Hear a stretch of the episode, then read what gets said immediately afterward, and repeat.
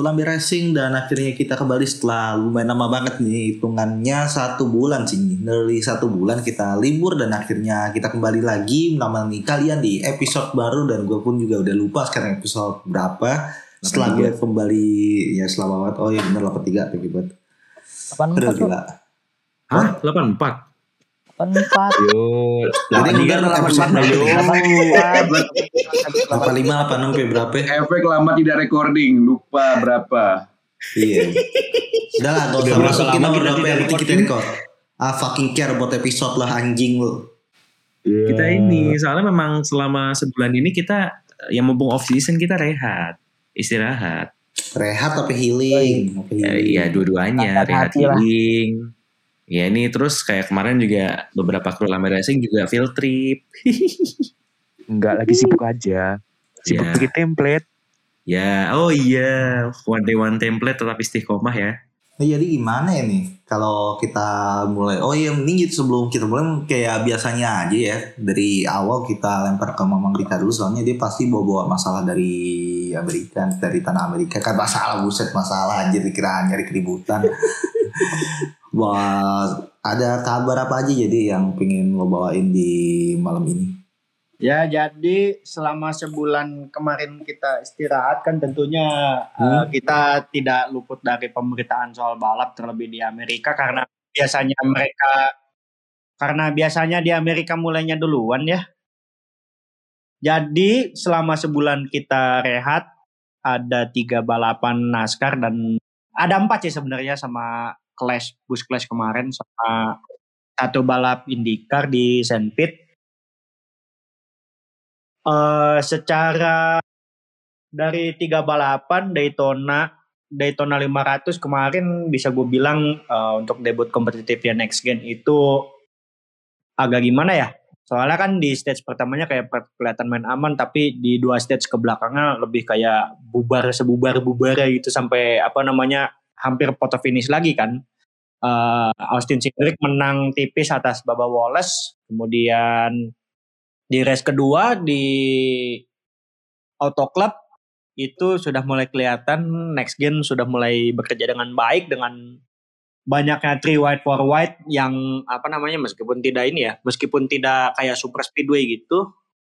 Dan apa namanya di sini eh, kelihatan banget Chevrolet Gang itu kuat banget. Terlebih sampai ada tim-tim di luar tim-tim tradisional macam Hendrick dan Richard Childress kayak Trackhouse kemudian kayak pokoknya squad Chevrolet benar-benar kuat di Auto Club ini. Ya meskipun yang menang Hendrick lagi Hendrick lagi kan. Kayak Larson kemarin itu di Auto Club dan yang balapan ketiga kemarin di Las Vegas itu jujur balapan eh, satu setengah mile yang cukup yang cukup ketat dari yang gua tonton. Eh, untuk next gen kali ini dengan ya seperti biasa konten balap konten balap ala ala satu setengah mile dengan sedikit bumbu pembeda ya karena next gen juga. Terus apa namanya di sini Toyota Toyota yang kelihatan lebih kuat namun sayangnya eh, karena Eric Jones kecelakaan di lap-lap terakhir sehingga harus mm, sehingga caution caution dijalankan overtime dan jujur di di fin- final stage itu yang lebih kuat kalau menurut gua sih ini ya apa namanya Toyota dan Chevy. Cuman ya berkat Eric Jones itu eh, sedikit banyak ngebantu banget duo Hendrick yang lagi di depan. Tadi itu Kyle Larson sama Alex Bowman dan Alex Bowman dengan nggak tahu gimana hoki atau gimana gitu eh, akhirnya bisa keluar sebagai pemenang gitu. Sampai-sampai Kyle Busch kema- kemarin tuh sempat ngomong ah Alex Bowman mah hoki doang. Luck no skill katanya kan kayak gitu. Tapi ya ya it is what it is gitu kan. Hendrick menguasai dua dari tiga balapan awal dan menurut jadwal sih harusnya minggu ini kita balap di Phoenix sebelum Bristol Dirt tuh kapan ya? Lupa gue Eh, untuk IndyCar sendiri di St. Eh, Scott McLaughlin eh, flag to flag dia berhasil apa namanya dia berhasil mendominasi se- dan di St. Pete kemarin juga balapannya cuma cuma satu caution sih cuma gara-gara David Malukas doang understeer terus nembok Tapi untuk apa namanya untuk debutan tahun kemarin kayak Grosjean, Jimmy Johnson sama Scott McLaughlin yang yang paling menonjol ya itu Scott McLaughlin. Terus ya Roman Grosjean setelah pindah ke Andretti. Ya lumayan lah bisa top 10 top 10 and such masih bisa kejar-kejaran sama Ericsson meskipun sempat pas di caution pit itu ya sedikit ada insiden lah. Ketika uh, Grosjean sama Graham Rahal lagi keluar pit dua-duanya tiba-tiba Ericsson nyelonong gitu kan. Sampai kontak tapi ya itu gak inilah untuk debutan tahun tahun ini sendiri kan ada Tatiana Calderon kalau Mailot terus Christian Lundgaard itu pembalap-pembalap itu jujur kalau misalkan gue lihat ya di maksudnya di road track ini masih lumayan kelihatan bagus lah cuman nggak tahu kan soalnya kan balapan berikutnya oval nih di Texas Eh, semoga aja ada kejutan deh. Oke. Um, berarti jadi yang pengen lo bawa di hari ini segitu aja apa ada tambahan lagi nih? Cukup sih paling segitu dulu. Oke.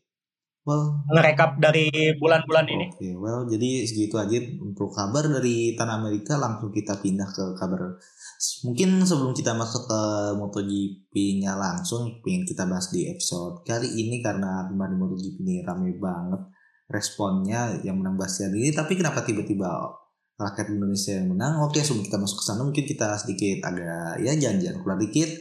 So sebelum MotoGP dimulai ada di Asian Talent Cup di mana Veda berhasil mendapatkan podium rider talenta muda Indonesia. Lalu juga kita bahas sedikit dulu ya di Moto3 di mana di Moto3 yang dimenangkan oleh Andrea Mino dan sayang sekali si Ayumu Sasaki sebenarnya tuh enak banget di depan dia sebelum sayangnya dalam beberapa lap terakhir. Fairingnya copot yang fairing sebelah kiri ya yang membuat dia terpaksa akhirnya retire. Dan juga di Moto3 ada rider kebanggaan tanah air juga ada Mario Aji yang akhirnya melakukan debutnya di kelas Moto3 di season kali ini yang sayang sekali. Gue bingung sih sebenarnya mau gimana ya soalnya oke okay, ini bagus. Cuman kalau kita melihat dari hasil pun sayangnya dia finish di posisi ke-19 dengan ya terhitung lumayan yang crash juga dan tidak bisa finish. Tapi jarak dia finish pun mungkin di belakangnya yang berhasil finish di belakang dia adalah rider-rider seperti Anak Carrasco, Gerard Yu dan juga Joshua Wetley. Jadi agak sayang sih dan mungkin should do better tapi it's okay mungkin karena itu debutnya juga di kelas motor speed dan kejuaraan dunia jadi tetap support dan juga hopefully for next time di Mandalika nanti hasilnya akan jauh lebih baik dibandingkan hasil debutnya dia kemarin. Ya masa balapan di kandang malah jadi ngegurem. Ayo come on. Hmm, gimana? Belakangan aja lah ya. Aduh jadi gatot pengen ngomongin race tapi aduh. Aduh, itu ntar. Akan ada waktunya. Yang pasti eh ah, gitu gitu. Ya, Oke, jadi Ya. setelah itu di Moto2 juga yang sebenarnya ini Moto2 juga lumayan oke juga walaupun di posisi di pas masuk ke akhir balapan akhir ya gitu di mana Celestino Vietti enak banget dia dari start dan akhirnya mengakhiri balapan sebagai pemenang juga di mana di posisi kedua disusul oleh Aaron Canet dan posisi podium ditutup oleh Sam Lowe yang berhasil finish tipis mengungguli Augusto Fernandez dengan jarak 0,1 detik di race kemarin. Dan di Moto2 kemarin sebenarnya kita gak gitu ya, gak pas kita lagi yang ikut field trip tuh kan kemarin yang join nama gue field trip di kota Siu gak bisa nonton full karena karena ada yang minta ya gitulah ada ya. mengantar tuan putri ke stasiun jadi ya gitu. Iya iya iya. Perpisahan Isma ya. Iya. Isma. Di Isma gitu. Meletas meletas. Jadi Ya, pokoknya kita- itulah karena itulah. Hmm. Hmm.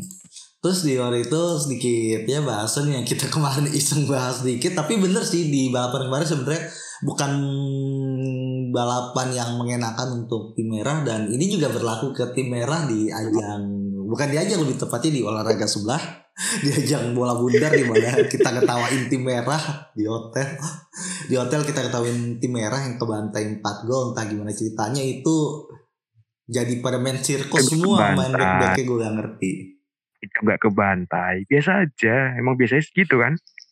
Eh, kagak biasa 5-0 kan kagetnya kok bisa golin satu prestasi gitu Kok bisa golin satu loh heran sih. Iya, kok bisa prestasi gitu itu. loh. Prestasi padahal si jagoannya gak main loh, si Siu. Iya. Dan bener Insya aja Allah. kita ngupload iya, kita kita ngupload itu kan ya bener aja.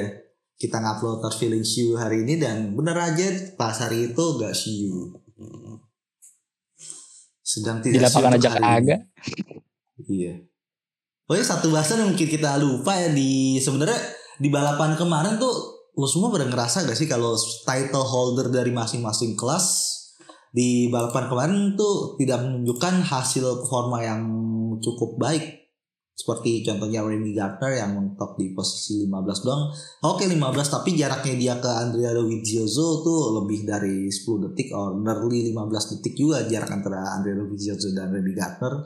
Jauh banget. Terus juga untuk Fabio Quartararo juga biasa aja nanti kita bahas di mana sayangnya cuma posisi mentok di posisi 9 dan di Moto2 ada rookie Moto2 yang sekaligus juara dunia Moto3 musim kemarin sayang sekali Pedro Acosta walaupun di preseason lumayan cukup mantep banget kelihatannya tapi di Moto2 kemarin dari kualifikasi yang biasa aja dia startnya dari posisi ke 10 kalau nggak salah gak, gak Iya, sehebat 10. itu. 10.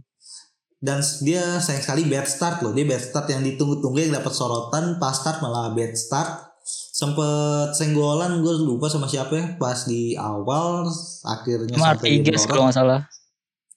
Oh iya benar. Iya kalau salah. Dan akhirnya dia melorot di tikungan pertama dia langsung melorot di dua posisi terakhir sebelum akhirnya dia naik naik naik ke posisi finish di posisi ke-12.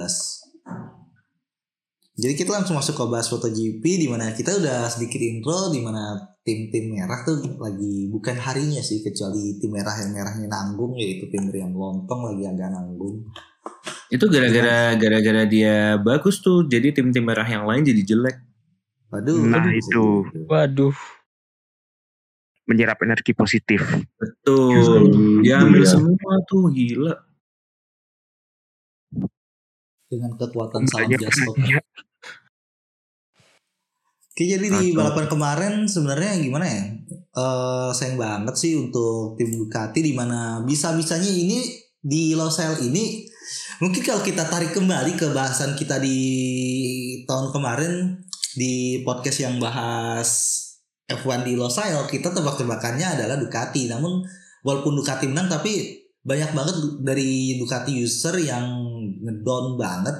Terutama untuk user GP22 yang ini parah banget nih bermasalah semua termasuk bahkan dari tim pabrikan Ducati gak ada yang finish Jack Miller lost power dan Peko Bagnaia dia lost out crash sliding tackle Jorge Martin. Mungkin ada sedikit yang mau menambahkan itu di bahasan di Ducati kali ini di mana Ducati kayaknya bukan Ducati yang biasanya dan ini aneh banget aneh banget Ducati kemarin walaupun menang di carry sama seorang Ede Bastian ini tapi aneh gak sih kalau yang carry ini malah user dari motor bekas I mean kayak motor musim kemarin dia pakai motor musim kemarin loh si Ede Bastian ini ada apa dengan Ducati sebenarnya Iya padahal kalau dipikir-pikir tahun lalu kan Ducati yang meraja di Qatar ya. Iya. Iya kan? Iya. Tahun ini Hmm. kebalikan itu. Hmm. Apa ada pengaruh motor ya? Gimana atau gimana? Iya, gue gue berpikir juga gitu mengingat di preseason kemarin bahkan di preseason kemarin ketika dites pakai package GP22 full gak ada yang bisa nyaman bahkan dari Peko pun juga dia gak ngerasa enak nih motor kayak susah walaupun oke powernya banyak cuman gak cocok untuk in overall di musim ini dibanding musim ini kayak motor yang dipakai udah motor itu dari awal musim di freeze bener-bener motornya di freeze itu dan gak mau pakai GP22 jadi akhirnya dica- dipakai jalan tengah dari pabrikan Ducati di mana motor untuk musim ini pakai basisnya GP21 musim kemarin tapi beberapa parts-partnya masih pakai parts lemparan dari GP22 dan sayang sekali Ducati pun juga kemarin gak bukan Ducati yang biasanya sih bener banget kacau di mana walaupun Sebastian ini menang tapi gak ada yang bisa berkata kata banyak. Jorge Martin nggak bisa berbuat banyak. Jack Miller plus power. Bezeki Crash lalu juga Fabio, Fabio Di Giantonio juga gitu-gitu aja finish dua dari belakang. Dan yang paling Ya, parah Peko aja. sih iya yang Hari ini, hari ini belum hari ini. Mari Ya. di San Mori. San Mori itu San Mori udah itu tuh San Mori itu, apa-apa. itu beda, beda konteks Apa Trademark, San Mori. Gak apa-apa. Gak apa-apa. Yang penting pulang-pulang gak bawa invoice bengkel aja udah. Wah, Dulu. Terus Iya kan, kan? Kemar- Iya, gini gini iya gini gini. Kemarin Ducati yang DNF berapa? empat. Empat. Enggak. Empat. Empat. Tiga, tiga. tapi Empat, empat, say. Disamain Iya, Wanda kan? Hamidah nggak tuh? Eh kok Wanda Hamidah? Wida Mansur. Wilda Mansur. Damida anjir. Udah beda dong. Makanya udahlah nggak apa-apa San Mori. Yang penting nggak bawa invoice bengkel daripada itu tuh si siapa namanya Peko malah sliding tackle teman sendiri sesama Ducati. Friendly Friendly fire. fire. Fire. Ducati spesialis friendly fire. Betul. Friendly Emang fire. ya yang kanan, ambil dalam. Itu inget banget gak sih? Yang yang field trip yang kemarin pas nonton bareng pas mereka berdua slide tuh kita teriak anjir. Iya. Kayak waduh gitu rame-rame. Hmm. Kayak mau banget kan teriak. Iya heboh banget bertiga heboh. Waduh. Marahin gak tuh? Enggak sampai akhirnya kita kayak shh gitu biar Iya. biar Biar Biar gak nggak- diketok. kayak Biar gak diketok. iya biar gak diketok. Gak lucu kok tiba-tiba diketok. Diketok gitu. Tok-tok bas. Musik bas. Kan gak lucu. Kalau gitu. iya makanya. Ada, ada, ada aja. Ini bikin heboh juga karena aneh juga bisa tiba-tiba seorang Peko Bagnaya dengan kayak momentum dia bawa momentum yang sangat bagus di musim kemarin di mana balapan terakhir pun dia menang membawa kayak sedikit ekspektasi yang sangat besar tapi di balapan kemarin nggak banget bahkan dia pun juga frustasi sama motornya. Abis jatuh dia kayak gak mau nyentuh motornya kesel banget dia, dia itu deh dongkol banget sama motornya. Refleks yang pertama dia lakuin cuma ngomong ke Jorge Martin minta maaf terus ngejelasin. Dan Jorge Martin pun juga kayak ngerti juga soalnya tuh orang berdua tuh kelihatan kesel banget sama motornya kayak berantem sama motor selama balapan. Gak nurut momen. Motornya kayak gak nurut gitu ya pesannya. iya terlalu gue gue bingung nih ini mungkin dari pengembangan yang dilakukan Ducati ini kayak arahnya akhirnya terlalu agresif dan susah dikendalikan atau mungkin emang ini mengulangi kasus yang sama kayak pengembangan M1 zaman dulu di sekitar tahun 2017 hingga 2019 di mana M1 Bisa ini jadi. ada istilah M1 bekas M1 tahun kemarin pasti jauh lebih bagus dibandingin yang M1 baru. Tahun ini ya. Iya iya iya iya. Enggak enggak ntar gini. Berarti berarti applause dong ke Marini dia bisa kendaliin. Kan dia pakai motor GP20 itu gak sih? Iya. Nah, berarti Nah. applause dong dia bisa kendaliin, bisa menjinakkan GP20 itu saking jinaknya sampai saking jinak itu sampai kalem banget gitu motornya. Betul. Betul. Prestasi juga mungkin entah ada hubungannya dengan motor yang agresif dengan karena badannya dia yang bisa dibilang sebagai salah satu rider paling bongsor di musim ini jadi bisa ngedalin apa gimana kan gue gak tahu mungkin Eh, Bisa jadi. Oh body slamming. kagak emang Kayak emang body paling slamming. kagak emang dia dia salah satu rider paling tinggi di musim ini dan Enggak enggak canda-canda bang. kalau balapan pun juga emang kayak gitu problem Ya, bisa ngaruh loh. problem-problem Iya, pembalap ngaruh, bongsor kayak ngaruh. gitu ngaruh banget Ngaruh, kayak ngaruh. dulu si Loris Bus yang tinggi sampai 1,9 meter deh kayak tiang Iya. kondisi ini oke jadi dari Ducati yang kayak gitu kelihatan aneh banget dan ini berarti hitungannya first time Ducati ngalamin kasus kayak gini sih terhitung dari mereka sebagai tim yang paling advance bisa-bisanya baru di tahun ini dari pengembangan mereka malah backfire bagi semua use bukan nggak cuma tim bahkan nggak cuma pabrikan tapi semua user mereka backfire banget karena yang pakai GP20 itu even GP20 22 gado-gado yang dipakai pabrikan pun juga kacau hasilnya. Jadi ya kita tunggu apakah ada hasil yang jauh lebih baik untuk di race selanjutnya atau mungkin apakah Ducati akan membuka titik masa akhirnya fix atau gimana ya tunggu aja untuk di balapan nanti di Mandalika. So kita pindah ke bahasan selanjutnya di mana nih Honda kelihatannya akhirnya berhasil kembali ke track yang sesungguhnya di mana mereka tuh seharusnya berada di spot di mana mereka bisa bertarung untuk menangan even finish di podium pun juga bagus walaupun yang meraih bukan Mark Marquez tapi ini juga menunjukkan kalau sekarang Honda udah berubah. Mereka gak cuma mementingkan sebatas ini motor buat Marquez doang sebagai title chaser tapi mereka udah coba untuk bertarung sebagai tim. Dan pengembangan yang mereka lakukan di motor RC1 3V baru juga kelihatan banget hasilnya sangat-sangat baik di mana pas balapan kemarin tuh mereka memimpin balapan sepanjang 18 lap sebelum sayangnya problem ban yang udah tipis ban belakang dipakai si Paul Espargaro soft membuat si Paul Espargaro ini drop di sekitar eh, mungkin 5-4 lap terakhir ngedrop sebelum akhirnya di overtake oleh ini yang Bastian ini Sama Brad Binder juga nggak sih? Om itu dia bener sih sama Brad Binder juga pas di beberapa lap terakhir. Sebenarnya kalau dilihat pun juga sayang banget sih kalau dilihat dari si Paul Espargaro mungkin kalau dia nggak ya mungkin kalau package kalau pemilihan ban yang dipakai sama mungkin hasilnya bakal dia bisa menang tapi kita nggak tahu ya udah takdir sih kelihatannya emang mentoknya segitu kali ya untuk dia. Takdir. Tapi bagus loh. Maksudnya nggak jomplang gitu loh. Dua-duanya Iya. tuh jaraknya nggak jauh. Iya. Coba tahun kemarin, tahun-tahun kemarin gitu. Mana itu- ada kayak gitu? Lah, emang tahun kemarin balap orang tahun kemarin cuma tipsen doang. Iya lupa. Formalitas Iya, penting balapan. Berarti kita masuk ke sebenarnya ini bukan bahasan yang bisa panjang banget karena untuk di bahasan selanjutnya kita mungkin agak sedikit ulas tiga ulas kayak ngomongin dikit yang terjadi pada Fabio Quartararo. Dan ini juga problem yang sama dialami oleh semua title holder di mana Fabio Quartararo Remy Gardner dan juga Pedro Acosta mengalami struggle di balapan kemarin. Dan untuk Fabio Quartararo sendiri finish di posisi ke-9 yang sebenarnya sih mungkin ini ngedrop banget kalau di tahun kemarin di tahun kemarin bisa bersaing untuk podium dan bahkan menang juga menang juga bahkan.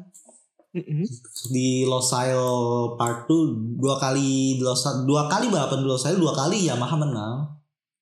Tapi sayangnya untuk di balapan kemarin di balapan pembuka di musim 2022 Yamaha malah ya gitu berbeda banget. Untuk Fabio Quartararo walaupun ini sebenarnya lebih ke bad luck sih karena di sebelumnya bad luck dan harus memulai dari Q pertama dan sayangnya ya mentok start dari grid ke-11 untuk Fabio Quartararo dan juga ya kita nggak bisa berharap untuk Franco Morbidelli juga soalnya walaupun mungkin full udah fit tapi dia belum fully fit dan fully recovery dari cederanya yang tuh parah banget sih cedera lututnya jadi ya tunggu progres aja jangan berharap lebih dari Franco Morbidelli juga di mana dia finish di posisi ke-11 walaupun oke sih dan juga Dovizioso pun dari tim RR dari RF ya dari tim RF juga si Andrea Dovizioso finish ke-14 dan Darren Binder hanya mentok finish di posisi ke-16 jadi yang men- yang nembus top 10 tuh cuma Fabio Quartararo itu pun di posisi ke-9 bukan balapan yang diharapkan untuk tim Yamaha baik dari pabrikan maupun tim satelit tapi ini kelihatan kalau Yamaha mungkin bukan yang terbaik di musim ini dan ada pertanda juga sih kalau di musim ini akan menjadi salah satu musim yang ketat karena kelihatan kayak semuanya ini gak ada yang kelihatan paling unggul apa gimana nih kelihatan semuanya kayak merata dan mungkin aja bisa mem- mempunyai kesempatan yang sama untuk mendapatkan gelar juara dunia. Iya. Yamaha, Yamaha. Ya, kelihatan banget sih kayak gini deh kita lihat-lihat dari al musim bahkan dari al musim yang di preseason kemarin termasuk pas di free practice di Qatar kemarin yang megang fastest lap bukan lagi Ducati tapi Suzuki yang tahun kemarin diketawain di lurusan malah Iya. megang top speed di kemarin di lurusan Losail. Lalu habis itu ada juga Honda yang, ke- yang sudah menunjukkan progres, yang progresnya mantep banget, bagus banget. Tapi yang nge-carry tuh bukan Marquez lagi tapi Paul Espargaro Paul. Espargaro ya. Iya. Ketiga Musim juara dunia gitu-gitu aja. Juara dunia holder title holder. Gak menunjukkan hasil yang positif. Fabio Quartararo cuman mentok di finish di posisi 9 bahkan dia pun juga kayak ngerasa di posisi ini kayak feel di musim ini tuh feelnya beda banget bener-bener literally beda banget. Dia ngerasa kayak gitu juga si Fabio Quartararo. Dia kayak ngerasa oke gue udah juara dunia tapi oh ini rasanya kena pressure juara dunia. Tapi kok feelnya beda banget dan nggak cuman itu juga bahkan untuk di Aprilia pun juga satu-satunya yang masih konsisten stabil menunjukkan peningkatan mungkin dari Aprilia walaupun sayangnya di Aprilia ini ya gitu-gitu aja ujung-ujungnya pun juga di carry oleh Alex Espargaro dan ya bener sih mungkin kata yang tepat untuk menggambarkan Aprilia ini seperti kayak ngau-ngau juga soalnya ya gitu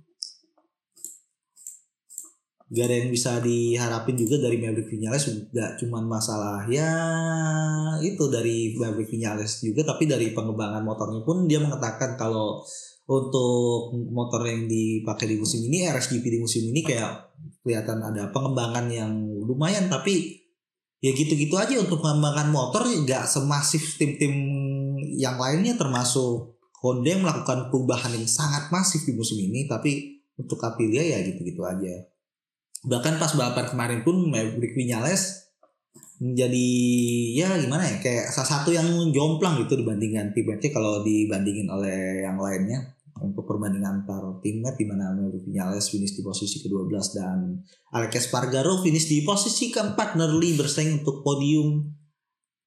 Ya walaupun akhirnya ya gitu karena masih jauh belum cukup untuk mengejar seorang Paul Espargaro untuk mengejar adiknya yang finish di posisi ketiga seorang Alex Espargaro. Tapi kelihatan sih performa kemarin dari Aprilia pun belum bisa diharapin tapi masih ada kayak space untuk pengembangan dan ada potensi juga. Tunggu aja di beberapa race ke depan kayak gimana yang pasti kalau Aprilia jangan berharap dulu ke seorang Maverick Vinales deh itu sih kalau musim ini Iya. kalau kita gambarkan Bener, Ya. bener. lalu juga di KTM kita lihat eh, di KTM pun juga ya gitu sih sebenarnya. Single carry gitu, doang. aja. Iya benar single carry. Yang di depan kan Brad Binder dan Miguel Oliveira seperti biasa Chris. Dan gue bingung what's wrong with Oliveira sejak dia kimpoy sama saudaranya? Apakah itu kayak mungkin kayak Bener, bener. Gini, gini, gini. Sebelum dia kimpoy sama step sisternya, emang literally step, sis- step sister. Cuy, kan Iya sama step sisternya. Iya sih, tapi ya. Bener kan? Bener kan? Bukan bukan plot bokep ini nih beneran terjadi di dunia nyata. Gentot lu. Dia udah di podium chaser, dia bahkan menang dengan dengan cara yang mungkin bisa dibilang kayak menang menang secara mental. Dia menang pas di Catalunya tuh bagus banget formanya di Mugello di Catalunya KTM bagus banget. Cuman sejak di Kimpoy sama saudara ya sama step sister ya malah bukan kayak Oliveira yang sama. Bahkan di second half musim kemarin kayak ngedrop banget dan kemarin pun terjadi di Oliveira. Ya semoga dia bisa kembali menemukan formnya. Dan semoga dia gak kena istilah kualat kimpoy sama step sister gue gue bingung sih gue bingung sih gue gue bukan ahli agama apa gimana kan dia udah punya dia kan dia udah punya anak Bukan ahlinya. Di step lagi. ahli katanya. Bukan Iya. ahli katanya, bukan ahli. Iya, iya, iya bener gue bukan ahlinya masalah gitu, apalagi ahli masalah agama. Tapi ah Anjrit, anjrit. Eh, Udah ketawa dulu Krit, gak apa-apa. ini kalau dipikir-pikir, ya ya masa itu kualat tapi gak enak juga maksudnya. ah ah bukan kualat juga, ah gue bingung ngomongnya gimana. Ya itulah pokoknya lah ya. Ya itulah gitu. ya. Gak apa-apa, gak apa-apa. Kan Itulah bukan ahli persepsi seteran duniawi. Dimaklumi. Iya, Ya iya sih. Ya udah gitu cabut deh lah daripada dari masalah gitu. Ya udah lagi mending kita final daripada makin aneh-aneh. Maksudnya ini udah membawa plot tradisional, plot paling template sejuta episode di di website kesayangan kita di website Itemoren. Ya ya udah ya ya gitu deh Oke, habis itu kita lanjut ke bahasan selanjutnya mungkin nih langsung di itu aja dah. Ala-ala monolog. Anjay, monolog gak tuh, monolog. Oh, enggak tuh buset. Oke. Jadi kemenangan kemarin akhirnya setelah bu, mungkin bisa dibilang nyaris 16 tahun atau mungkin 15 tahun lebih setelah kemenangan terakhir di Portugal lebih tepatnya di Estoril 2006 dengan kemenangan yang sangat dramatis pertarungan antara Tony Elias dan Valentino Rossi di straight di akhir-akhir straight yang dimenangkan oleh Tony Elias. Jadi mungkin satu-satunya orang mengalahkan Valentino Rossi di balap drag di akhir-akhir balap pas foto finish menang. Itu terakhir kali Gracie ini menang dan butuh 15 tahun lebih hingga akhirnya kemarin ya Bastian ini bisa membawa kemenangan kepada tim asal Italia tersebut. Mungkin gue akan mempunyai gimana ya? Mungkin gue bisa membuat suatu statement yang agak kontroversi dan mungkin lo semua agak setuju dan hopefully juga bisa diterima lah oleh semuanya statement gue. Kemenangan Bastiani kemarin dan juga ke- adalah kemenangan bagi Grace ini ini jauh lebih besar, jauh lebih baik dari kemenangan Gasly di Monza dari redemptionnya Gasly dan jika saja MotoGP mempunyai exposure secara worldwide yang sama dengan Formula One di beberapa tahun ke belakang, gak ada apa-apanya tuh Gasly. Bahkan inemat banget. Gue berani jamin bakal jadi salah satu dari sekian juta redemption yang ada di dunia olahraga tuh bakal jadi salah satu yang overrated karena gak ada apa-apanya kalau dibilang redemption pun karena menang di Monza. Men, Pierre Gasly udah redemption duluan pas di podium di Brazil 2019 menang drag race di akhir-akhir straight sama Lewis Hamilton. Dan kemenangan ini juga bukan masalah redemption seperti Pierre Gasly yang redemption karena dia di kick dan diturunin di demote bukan nih. Kemenangan ini bagi Grace ini sangat-sangat gimana ya? Emosional banget, emosional mengharukan. Ingat ini juga kemenangan pertama mereka di samping setelah 15 tahun mereka belum menang pasca kemenangan dan juga ini dipersembahkan untuk mendiang Fausto Grace ini yang berpulang di awal tahun kemarin. Setelah berpulangnya Fausto ini, Grace ini, racing team seperti kayak ini mau dibawa ke mana hingga akhirnya muncul satu orang yang tidak diketahui ini siapa sebelum akhirnya orang tahu kalau ini adalah istrinya dari mendiang Fausto ini. Gak ada yang tahu dia siapa, backgroundnya seperti apa, even dia lahir di mana, usianya berapa, gak ada yang tahu bahkan dia pendidikannya dari mana, backgroundnya dari apa, pendidikan di mana, ngambil gelar apa, dan pengalamannya apa di dunia motorsport, gak ada yang tahu juga. Dia dia tiba-tiba mengambil dia melanjutkan apa yang dilakukan oleh yang suaminya Fausto Grace ini. Ini dia Nadia Padovani sebagai mungkin dia orang gimana ya? Mulai dari nol banget loh. Dia dia mulai dari nol banget meneruskan perjuangan suaminya dan tanpa gimana ya kayak tanpa hitungan setahun mungkin sejak benar-benar fix ngambil walaupun meninggalnya di Februari tapi ini hitungannya gak bisa dihitung kayak setahun full. Soalnya dia langsung megang di akhir tahun kemarin lah hitungannya udah bener as a Grace ini. Dia bisa membawa Grace ini meraih kemenangan dengan Bastian ini kemenangan Grace ini sejak mereka kembali sebagai tim privateer sebagai tim satelit setelah sebelum-sebelumnya mereka partnering sama Aprilia mereka kembali langsung menang. Ini bukan kasus yang sama seperti Brown GP walaupun mungkin patternnya sama-sama cocok logis sebagai tim yang mungkin kayak di balapan pertamanya dan juga semuanya serba baru dan juga semuanya yang berawal dari kekacauan karena kayak mulai harus rebuild dari awal. Tapi ini beda banget karena dia pakai literally motor bekasan juga menangnya Bastian ini sampai ada istilah GP22 fraud karena dengan beberapa kerendeman yang terjadi di Ducati dan inilah dia kemenangan yang sangat besar dan sangat sangat emosional bagi dunia MotoGP kemarin. Jika saja mungkin MotoGP mempunyai exposure yang besar, ini akan jauh lebih besar dibandingkan cerita fairy tale manis yang dihasilkan oleh Pierre Gasly di Monza 2020. Lalu apa spesialnya dari kemenangan ini? Kalau dilihat lagi, Fausto Grace ini di gimana ya kayak harta yang ditinggalkan oleh dia yang diwariskan total harta bersih yang dia punya tuh gak ada satu setengah juta dolar Buset. which is itu di dunia motorsport tuh hitungannya kecil loh satu setengah juta dolar tuh harta bersih Oh iya sih sebenarnya.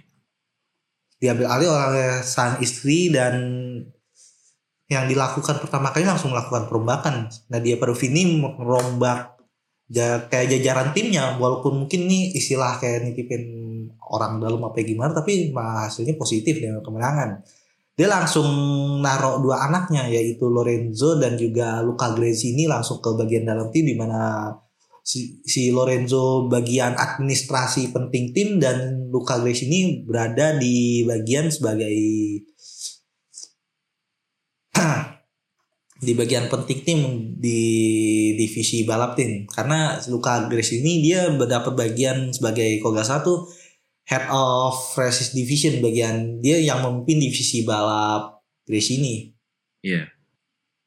Gak ada yang tahu khas, gak ada yang tahu kayak informasi tentang siapa dia latar belakang kayak gimana bener nol mulai dari nol dan benar-benar kayak blank banget gak ada yang tahu. Dia tiba-tiba langsung menang Iya dan itu juga dan itu juga menjadi alasan kenapa sepanjang race kemarin di beberapa lap terakhir dua tiga lap terakhir ada orang yang disorot langsung secara dari kamera disorot siapa wanita ini dan kelihatannya dia sangat emosional dan ini adalah Nadia Padovini. Iyalah. Jelas. I mean dia bisa membawa redemption ke suaminya mas. Iya bukan redemption Iya, apa ya? juga redemption ke, ke tim dan juga memberikan hadiah ke mendiang Iya suaminya dia kayak sih lebih ke penghormatan. hadiah. Iya Penghormatan. penghormatan kepada almarhum. Ini juga butuh 15 tahun lebih untuk menunggu kemenangan lagi dan terakhir kali Grace ini mempunyai chance untuk meraih kemenangan adalah ketika rider mereka Marco Simoncelli 10 tahun lebih Iya. yang lalu. Aduh. Itu Dan- bikin tambah pilu lagi. Iya. Grace ini juga di dunia MotoGP pun mungkin bukan tim yang sangat besar tapi ini tim adalah tim yang sangat diperhitungkan dari masa-masa ketika sebelum era Aprilian ini tim kayak pasti berada di posisi di mana mereka bisa memperebutkan podium apa pun itu pasti mereka ada di posisi di mana mereka kayak battle for podium itu ada ada chance untuk bertarung di podium entah itu di era di eranya Iya, benar. Arias hingga eranya Marco Simoncelli bahkan di eranya Alvaro Bautista pun juga kayak masih membawa aura yang sama ketika berpartner sama Honda kalau ini tim bakal menjadi kayak bertarung untuk podium at least kayak beberapa balapan dalam satu musim mereka bakal nyempil di posisi ketiga atau kedua Iya. dan kemenangan ini juga di samping sangat emosional di sisi Grace ini dan juga bagi Bastian ini yang menunjukkan kelasnya bisa membawa motor bekasan Ducati di musim kali ini dengan GP21 dia bisa membawa kemenangan langsung di balapan pertama. Ini juga menjadi satu kehebohan juga loh bagi kita semua. Bukan kita semua tapi lebih ke Indonesia. Karena yang menang di balapan kemarin ini kan Grace ini dan Grace ini kan sponsornya banyak yang nempel sponsor-sponsor asal Indonesia dan Nah ini. Itu yang buat heboh. Ini yang heboh kemarin. Feel-feel kayak gimana kayak feel-feel dari lokal proti itu kerasa banget sebagai rakyat Indonesia tapi kenapa yang di proti ini ini bukan tim asal Indonesia bukan rider Indonesia cuman karena sponsor yang nebeng malah lokal proti keluar Iya bener. Kocak dan mereka kebanyakan ngomongnya first podium. nah itu dia Aduh. First podium gimana? Orang menang. Hmm. Sebenarnya ya nggak salah buat mereka sih. Pertama Iya, kalinya mereka apa namanya? Pertama kalinya mereka naik podium gitu. Iya Iya. sejak comeback sejak Iya, comeback bagi- podium Bagi mereka ya dari Bagi POV-nya mereka. mereka. Ah, Itu pertama kalinya sponsor naik juga. podium. Hmm. Dari POV gak salah dan juga makna first podium mungkin yang mereka anggap ini first podium kayak first podium, second podium, third podium kayak posisi gitu mungkin yang yang dianggap sama mereka. Jadi ya ini masalah konteks sih sebenarnya. Iya. Ya kayak mungkin posisi pertama di podium jadi first podium gitu kali ya. Iya iya iya gitu mungkin aja jadi ya ujung-ujungnya persepsi aja lah. walaupun walaupun ya sebenarnya nggak pas juga sih soalnya kalau di dunia olahraga pun kalau first podium berarti pertama kali mendapatkan podium sedangkan Enia Bastian ini udah mendapatkan podium berapa kali dan di misalnya kemarin pun dia juga melakukan hal yang sama carry satu pabrikan Gak survive mereka tapi nge-carry satu tim bawa motor bekasan ke podium. Dan kali ini dia bisa bawa motor bekasan untuk meraih kemenangan. Satu lagi Iya. yang agak yang agak kita lupa nih. Motor pemenangnya pas kemarin lagi preseason di tes Mandalika dinaikin sama Bapak Sandiaga Uno. Apakah ini karena karena ada sisi magis dari Bapak Sandiaga Uno? Diberkahin Nah, sama bisa. Bapak Sandi. Iya, diberkahi dan mengeluarkan aura-aura positif hingga akhirnya bisa meraih kemenangan kemarin. Iya. Aduh. Bahkan- Bahkan Bapak Sandiaga Uno pun juga kemarin ngucapin juga, ngucapin selamat ke Baseni atas kemenangannya dan juga ke tim Brecini bla bla bla bla dan dia juga pasti kayak ada rasa bangga karena dia, dia juga bawa dari visit Indonesia dia bawa terus dia juga yang pernah naik motornya kayak ibaratnya barang yang pernah gue sentuh kok malah bisa jadi menghasilkan sesuatu yang bagus kayak Midas Touch. Jadi inspirasi inspirasi yang apa namanya review motor di video selanjutnya jadinya ntar. Hati-hati nih ntar Mandalika. Tiba-tiba Aduh. nyentuh motor MotoGP semua orang-orang. Waduh Aduh. ini ini dia pas pas senang ini. Ini kan dia dia senang bisa merayakan ini bisa dilihat kayak di tiga sisi. Dia senang karena dia sebagai kayak orang yang itu yang pernah naikin motornya. Ya kayak kita lah kalau misalkan kita pernah naikin ini terus tiba-tiba jadi kayak wah banget heboh banget. Wah kayak apa deh gara-gara kita akhirnya bisa menjadi sukses dan menjadi sesuatu yang besar. Mungkin gitu. Dan kedua sebagai kementerian yang udah naruh Indonesia atau mungkin sebagai orang yang punya saham di perusahaan yang naruh di situ terus akhirnya seneng mungkin Eh. Aduh. itu justru kayak gitu tuh gimana yang wajar sih soalnya pasti bangga kayak hasil yang lo kerjain ini menjadi sesuatu yang besar lo pasti bangga even lo menjadi part terkecil dan gue yakin mungkin bahkan gue gak tahu ya barangkali aja sih dari tim-tim marketing atau beberapa divisi di entah itu Antangin atau mungkin Federal Oil, Aspira atau mungkin juga ada Bolt Experience dan juga dari bagian tim yang sudah kerja di Visit Indonesia di kementerian mungkin akan senang dengan hal tersebut dengan wah bangga banget tempat kerja gue bisa dapat exposure dunia soalnya di IG-nya MotoGP pun udah di yang foto spotnya itu nunjukin semua sponsor itu jelas banget itu tuh bahan Iya. buat exposure banget Ya I mean di kanal resminya MotoGP aja tuh yang pasti Enea Bastianini yang berdiri di depan motor. Hmm. Kinclong. Kelihatan Kinclong. semuanya. Semua sponsor kan? terlihat. Hmm. nggak ada debu eh Wah iya tuh gak ada debu juga tuh. Heran Gak ada ya. sisa kerikil iya gak ada sisa kerikil Iya, nggak ada luka-luka juga. Iya gak ada luka-luka. Padahal Hmm. padahal balapannya di gurun pasir loh. iya Iya. Pasir semua tuh pinggir-pinggir motornya kinclong tuh. Kinclong aman. Kinclong kinclong. Kinclong. Aduh. karena gue ngerti kenapa Qatar jarang hujan Kenapa? ya? karena gak ada yang di sekitar situ gak ada yang itu di Qatar jarang ada yang buka usaha cuci motor cuci mobil Ya. Ya ya. Gimana ya? Gimana ya? Tuh hati-hati tuh, aduh. Aduh, Itu dicek tuh di depan nanti ada ada ada bakwan kawi nggak? kawan kawan Kawan kawi Udah bosan sama tukang bakso. Sekarang kita harus coba lagi yang beda. yaudah bong balap apa? yaudah pikul yaudah abang-abang cuanki pikul ya, Karena jadi cuanki pindahnya Dong. ya kan cuanki? pasti dagangnya kalau cuanki kan pasti sepaket sama bakso juga bakso tahu Ya iya Di sih. Ya iya sih. Sebenarnya sih. Gak salah sih. Tapi kenapa cuanki juga sih? ya tulisannya gitu di pikulannya cuanki Ah, tapi gue jadi kepikiran nih. Gue jadi Apa ya? kepikiran. Kayaknya kita tinggal menunggu aja nih Enea Bastian ini jadi brand ambassador atau antangin. iya bukan ambassador wes. sih lebih tepatnya nunggu-nunggu iklan antangin baru yang ada ini Bastian ini Nah, wes ewes ewes. bablas Bablas engine. bablas engine Bayang nih ntar omongannya Ali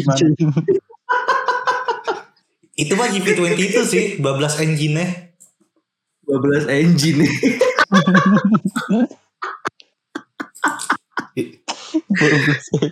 bablas engine nih. Anjing, anjing. Nanti pas sampai di Indonesia ditanyain tuh Enia Bastian ini di presscon. Oh kita bisa nitip tuh. Kan ada tuh sobat lambe racing yang datang ke sana. Kemarin dia bilang, nitip pertanyaan boleh loh gitu. Kita nitip kali ya ke Enia Bastian ini. Mister. Mister, uh, before before you win the Qatar race gitu. Did you ngoplos antangin with Federal Oil, sir? Wah ini nih mewakili netizen sih itu pertanyaan kayak gitu. Iya, iya. Udah kita nitip ke dia aja ya. Gue gue DM deh. Nah, besok pagi. Kan dia beneran udah udah dapat akses tuh ke media. Dia udah bilang nitip pertanyaan boleh loh. Itu aja kita titip. Pengen kan lumayan, kan lumayan. Lumayan. Iya. Kita jadi tahu ya. Iya, jadi Jadi sebelum ini- menang minum apa gitu. Iya, minum matangin enggak, Sir? Hmm. Dioplos nggak sama Federal Oil? Mm-mm. Udah Oh, iya, bosen kalau nanya-nanya nasi goreng. Do you like nasi goreng, Sir? Iya. What have you aduh. eaten in Indonesia, Sir? How's Jakarta, Sir? Gitu kan. Aduh. Udah template. bosen. Iya, Jakarta. template. Aduh. Iya kan, Jakarta. kan katanya ini, katanya kan pada mau itu ada pawai dari Iya, Istana iya. Negara. Udah Tanggal udah, udah 15 fix, Maret. udah fix ada pawai. Udah fix. udah fix, udah udah fix.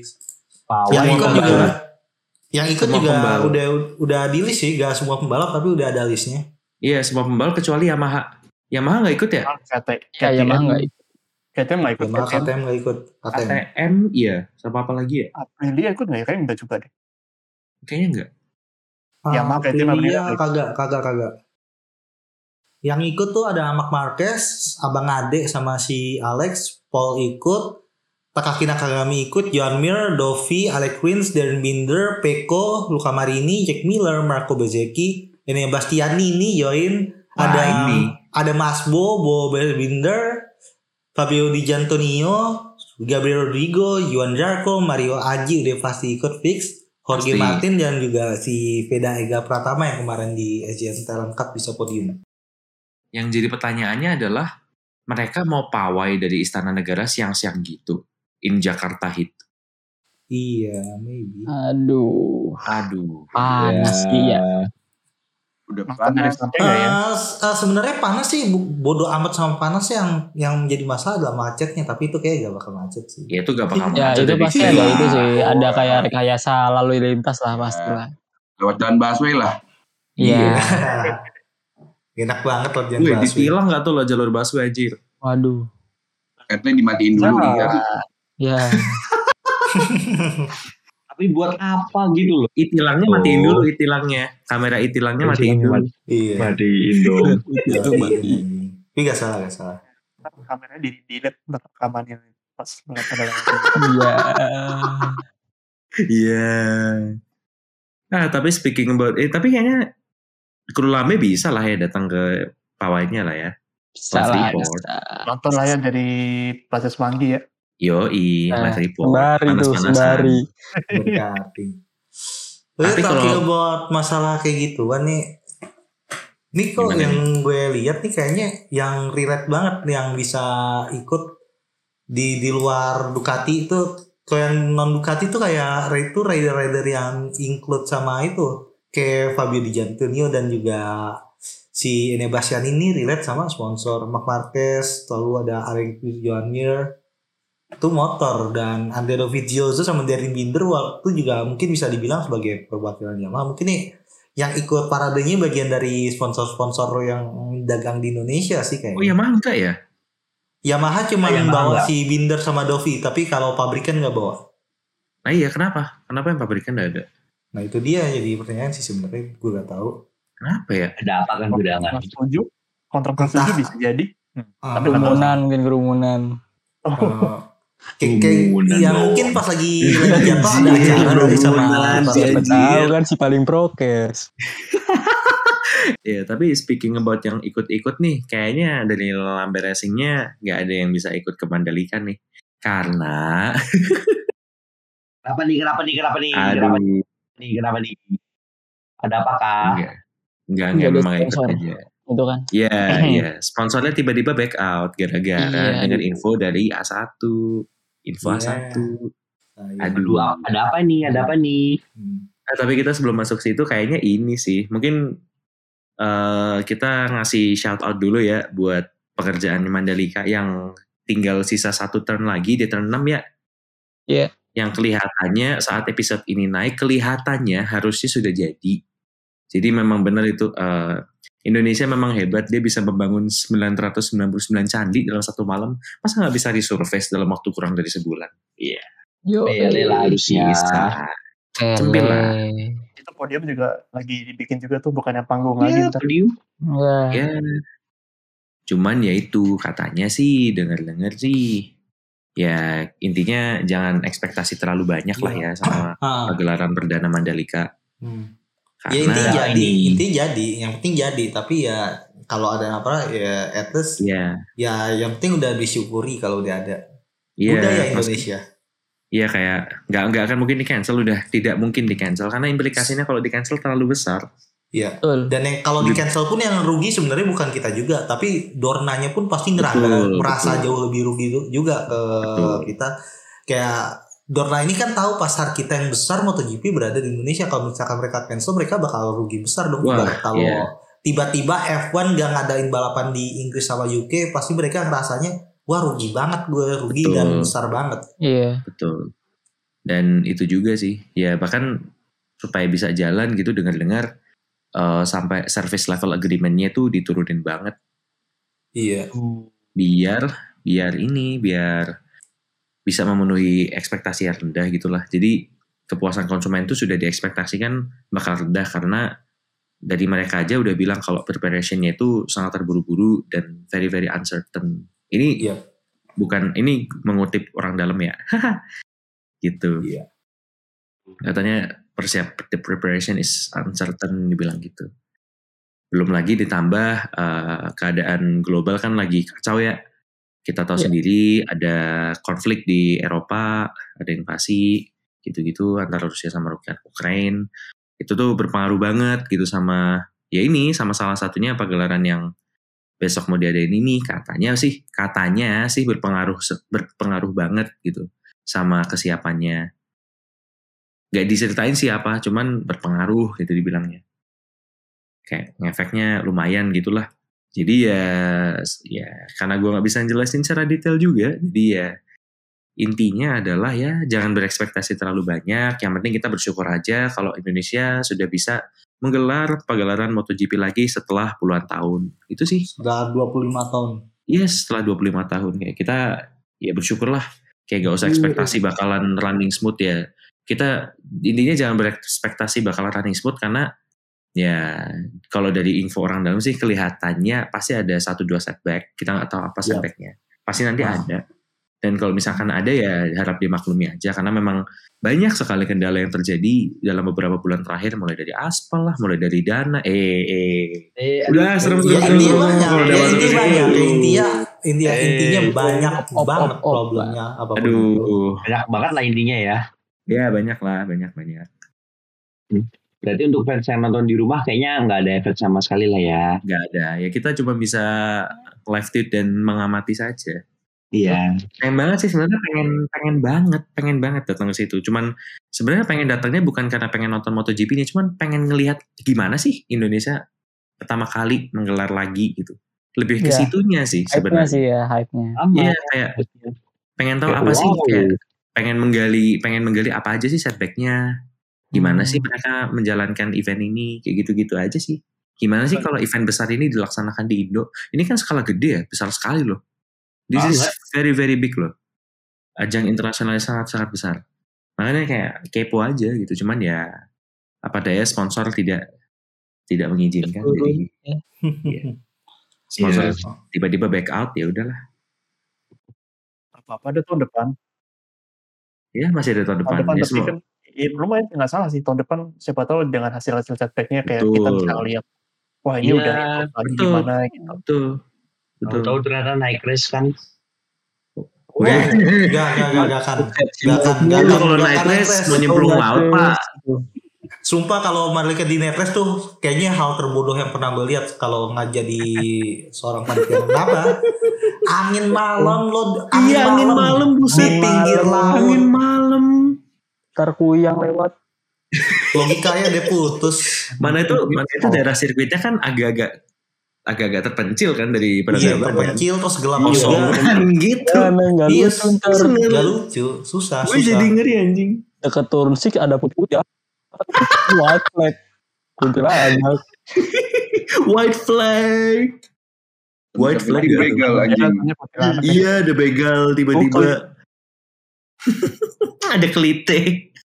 Lah, Tiba-tiba respons sendiri aja di sirkuit ntar. Itu bayangin Marquez lagi fighting for the lead gitu. Tiba-tiba di belakangnya ada motor Scoopy kelite anjing. Scoopy hitam. Aduh, hitam mekanik knalpotnya dari Aduh bobok. mekanik. Makanya kalah tahu-tahu abis itu. Nah mental. Motor Scoopy yang plat nomornya dicopot semua. Kalahnya mas kopi bobok gitu ya. Yang. Aduh, aduh.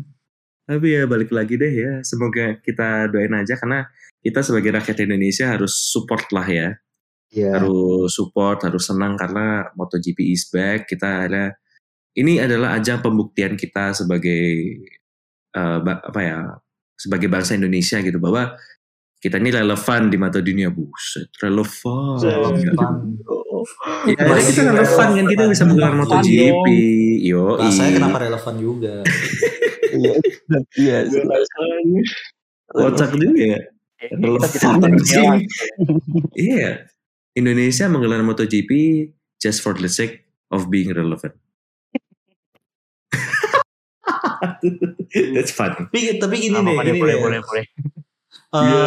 melihat kalau itu sih kalau melihat ini ini semua pihak kan dukung banget termasuk kementerian lo sadar gak sih kan ini be- dalam beberapa hari terakhir bahkan kemarin kan aturan dari PCR terus juga dari visa juga dari cabut Nah, lo ngerasa ada sini kayaknya iya. kayak kesempatan Iya. buat maksimal ini juga soalnya salah satu barrier kenapa orang kayak agak males buat datang ke sono buat nonton karena itu juga sih karena aturan-aturan Oh. ribet entah itu Iya, dari peraturan. PCR rapid semuanya dan juga aturan dari sini yang kayak itu juga apa ya, eh, Bener-bener. karantina juga. Tuh kan jadi barrier penghambat. Akhirnya kayak dilonggarkan banget dilepas karena itu. Dan yang dilonggarkan ini seperti kayak gini deh.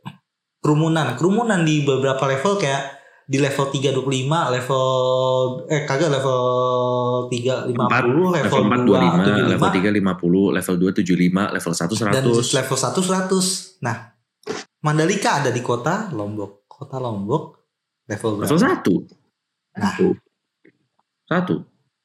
nah itu dia Semua sudah diatur, semua sudah diatur men. Sudah Padahal didukung kalau- oleh pemerintah. Kalau dipikir kasus COVID di Indo itu eh, per hari ini ya ada tuh 33 ribu kalau gua lihat ya. Enggak, eh, dilihatnya ini aja eh, kasus aktif deh.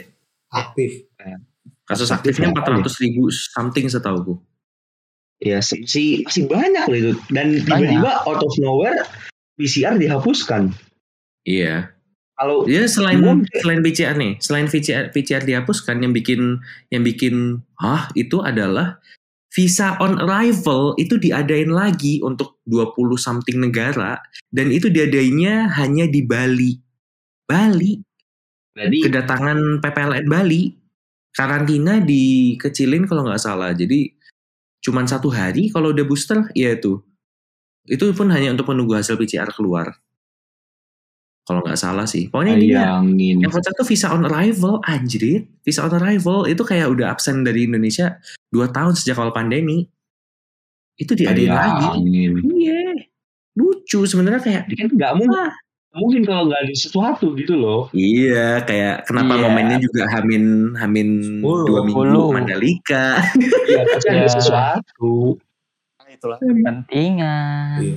ya ya intinya walaupun kayak Ya. gitu tuh ini sebenarnya positif loh karena Iya benar. Iya. malah positif. malah bukan sesuatu yang harus kayak disikat dihilangin apa gimana malah positif ya walaupun kayak gini Betul. malah melonggarkan banget dan juga mendukung banget soalnya salah satu Betul. alasan barrier gak cuma orang luar tapi orang lokal kan orang sini orang lokal gak mau nonton ya karena itu juga karena di samping masa budget ya itu party ribet lo harus PCR segala Iya. macam Iya. swab sono sini Iya, kayak betul. misalkan kayak misalkan gitu kayak amit-amit lo udah pesan semuanya amit-amit pas lo mau PCR udah sampai nih hari H nih udah mau berangkat ke Lombok nih lo eh lo antigen gitu kan lo antigen toto positif kan udah jadi itu kan nyebelin ya ah Hmm. gitu udah buang duit apa nah dengan dihapuskan ini kan kayak ya walaupun Di lo skip, positif ya, atau skip. negatif kan gak gak gak kedeteksi orang nggak dites Iya, di skip, di skip itu aneh. iya ada di skip kan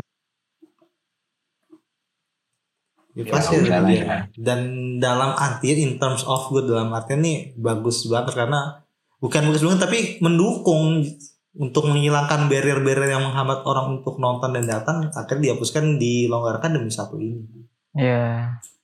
Karena mau gimana pun juga nih ini proyek besar, acara besar dan yang terlibat pun juga pasti mau mau nih gamble besar bagi mereka. Untuk sih. untung bodo amat, tapi sukses gak sukses jadi ditentukan dari seberapa rame dan seberapa banyak audiens yang ada di situ. iya Yap. benar Setuju, setuju. betul Ini bukannya kita anti prokes ya. iya Maksudnya kita ngelihat dari Iya. seberapa sukses Mandalika gitu, faktor pendorongnya Iya, lah. iya. Kita doakan aja semoga semuanya lancar sampai checker flag digelar, entah siapa nanti yang ngambil. Ya kita doain aja semoga pelaksanaannya lancar sampai semua orang Dorna lah, orang MotoGP, semua pembalapnya pulang lagi, pergi dari Indo, nggak ada kendala apa pun dan semoga uh, nanti semua setback setback itu dapat diatasi ya untuk tahun depan dan ya semoga Iya. tahun depan kita semua bisa nonton bareng. Amin.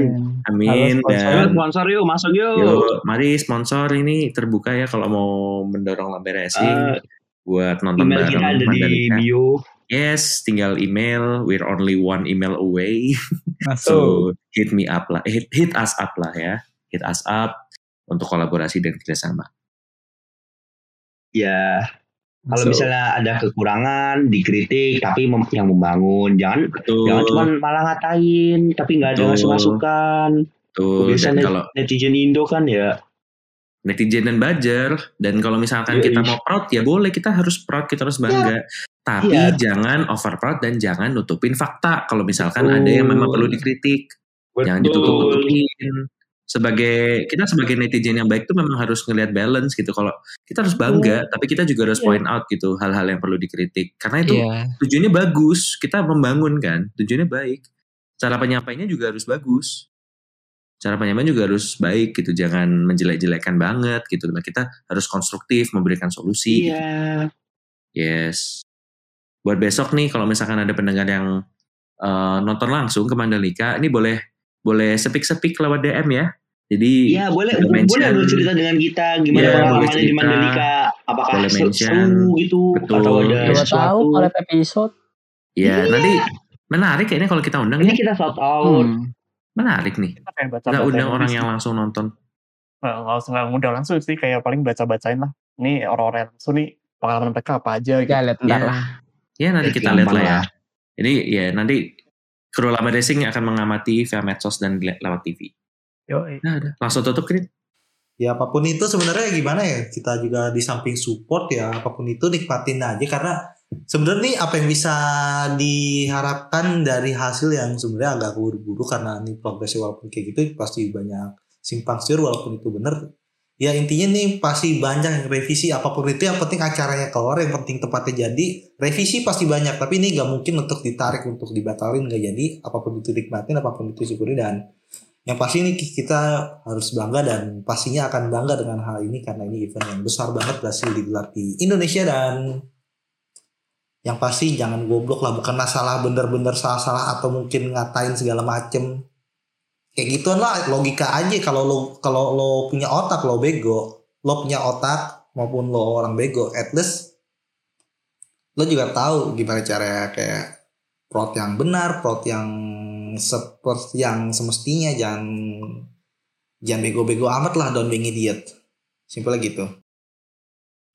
Mungkin gitu aja udah cukup. Udah capek. Itu ya gitulah Ctrl V, Ctrl C, Ctrl V dari template sebelumnya. Sekian dan terima kasih. Thank you banget yang udah hadir semua ini dan thank banget untuk kalian semua di mana pun kalian berada yang udah mendengarkan siaran ini. Semoga sehat selalu dan juga tetap positif di kehidupan kalian. Ctrl C, Ctrl V. Bye.